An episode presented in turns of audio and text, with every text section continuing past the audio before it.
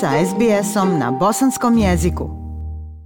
Slušate program SBS radija na bosanskom jeziku. Aviokompanija Qantas najavila je veliku naručbu aviona koji bi mogli promijeniti budućnost australijske turističke industrije.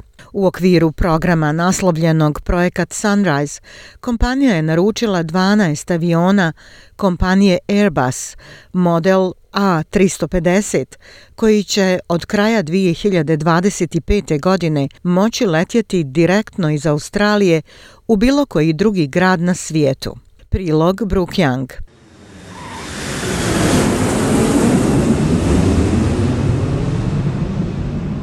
Australijska nacionalna aviokompanija Qantas najavila je plan za pokretanje najdužih neprekidnih letova na svijetu za Evropu, povezujući istočnu obalu zemlje s Londonom, Njujorkom i Parizom. Aviokompanija je provela skoro pet godina radeći na pripremi projekta Sunrise sa uslugama koje bi trebalo da krenu iz Sidneja od kraja 2025. godine. Izvršni direktor kompanije Qantas, Alan Joyce, objavio je tu vijest na aerodromu u Sidneju. This is a big day for Qantas. It's a big day for Australian aviation. I think it's a big day for world aviation. Ovo je veliki dan za Qantas, veliki dan za australsku avijaciju, a mislim da je to i veliki dan za svjetsku avijaciju. Danas Qantas otvara najveću naručbu aviona u svjetskoj historiji.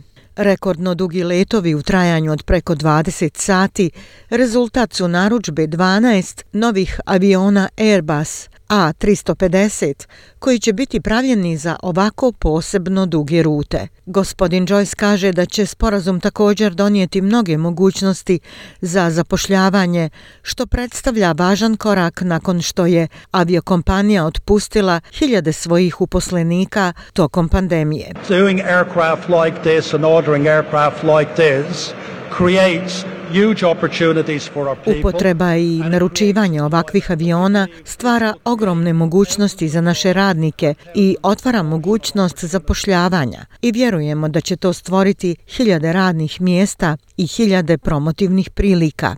Projekat Sunrise počeo je 2017. godine kada je Qantas objavio tweet u kojem je pozvao dva glavna proizvođača aviona, Boeing i Airbus, da ponude avione koji mogu letjeti bez zaustavljanja između Sidneja, Londona i New Yorka.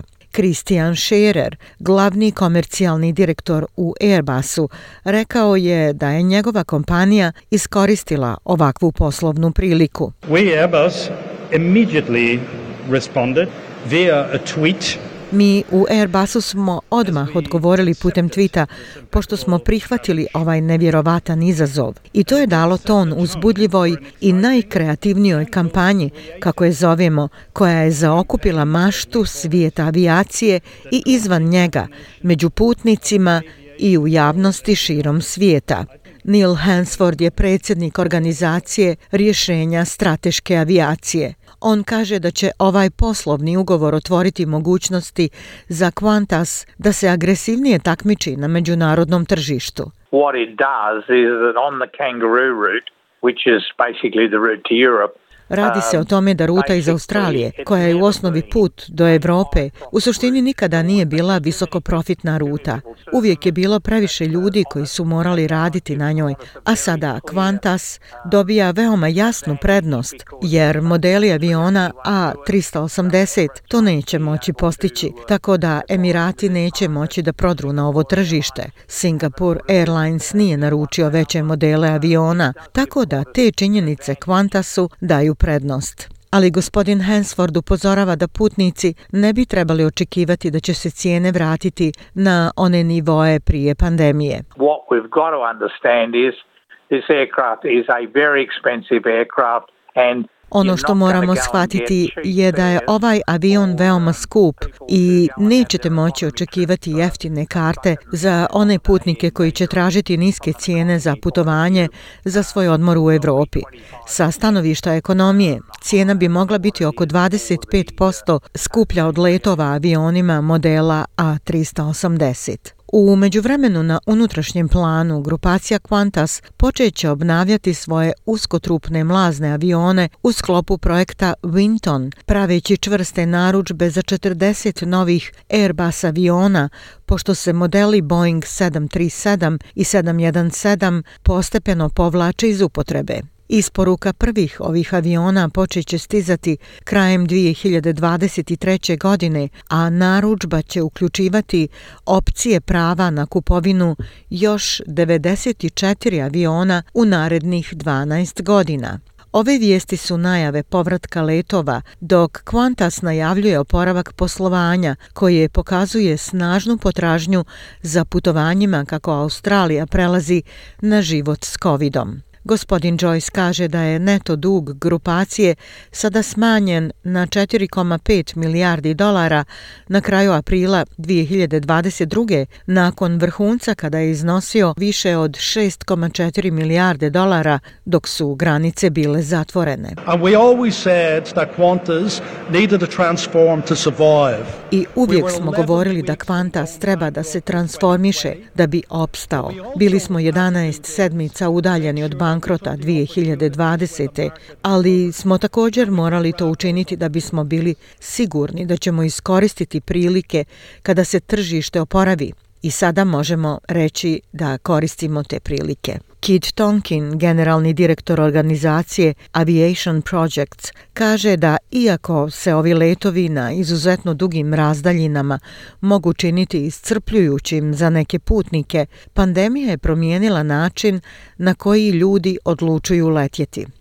A lot of people, as a result of the pandemic, have really prioritized flying from one point to another and not having to go through somewhere else in the middle. Kao rezultat pandemije, mnogi ljudi imaju prioritet da lete od jedne tačke do druge, a da ne moraju mijenjati avion negdje na sredini leta, presjedati, a to je isto zato da li želite da letite iz jedne tačke u svijetu u drugu ili čak samo dok letite u zemlji. Dakle, to odražava novi način ponašanja putnika. Oni ne žele stajanja i zaustavljanja i da se druže s drugim ljudima. Oni samo žele preći put u jednom letu, da lete od jedne tačke do druge. Dakle, to je u velikoj mjeri usklađeno s trendom koji je proizišao iz COVID-19.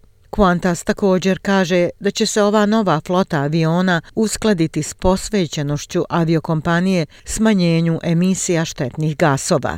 Gospodin Tonkin kaže da je to snažan korak naprijed za avioindustriju u cjelini. Globally, the aviation industry has been concentrating very hard on trying to achieve zero carbon ultimately. Um, we're not there yet. There's a little bit of work to go through all sorts of different um, Globalno se avioindustrija jako koncentrisala na pokušaje da na kraju postigne nultu emisiju ugljika. Još nismo tamo. Potrebno je obaviti još dosta priprema poboljšati sve vrste različitih tehnologija za sisteme motora, kao i samo goriva. Ali iz projekta Sunrise tvrde da će od samog početka težiti smanjenju štetnih gasova, što je nevjerovatno i samo zbog smanjenih emisija u početku korištenjem tradicionalnih goriva, ali kasnije kroz projekat održivog aviogoriva moći ćemo postići mnogo veća smanjenja emisije, rekao je Kit Tonkin. Ja sam Aisha Hadži Ahmetović. Ostanite uz program SBS radija na bosanskom jeziku. SBS na bosanskom. Podijelite naše priče preko Facebooka. Želite poslušati još ovakvih priča? Slušajte preko Apple podcasta, Google podcasta, Spotify ili kako god da primate svoje podcastove.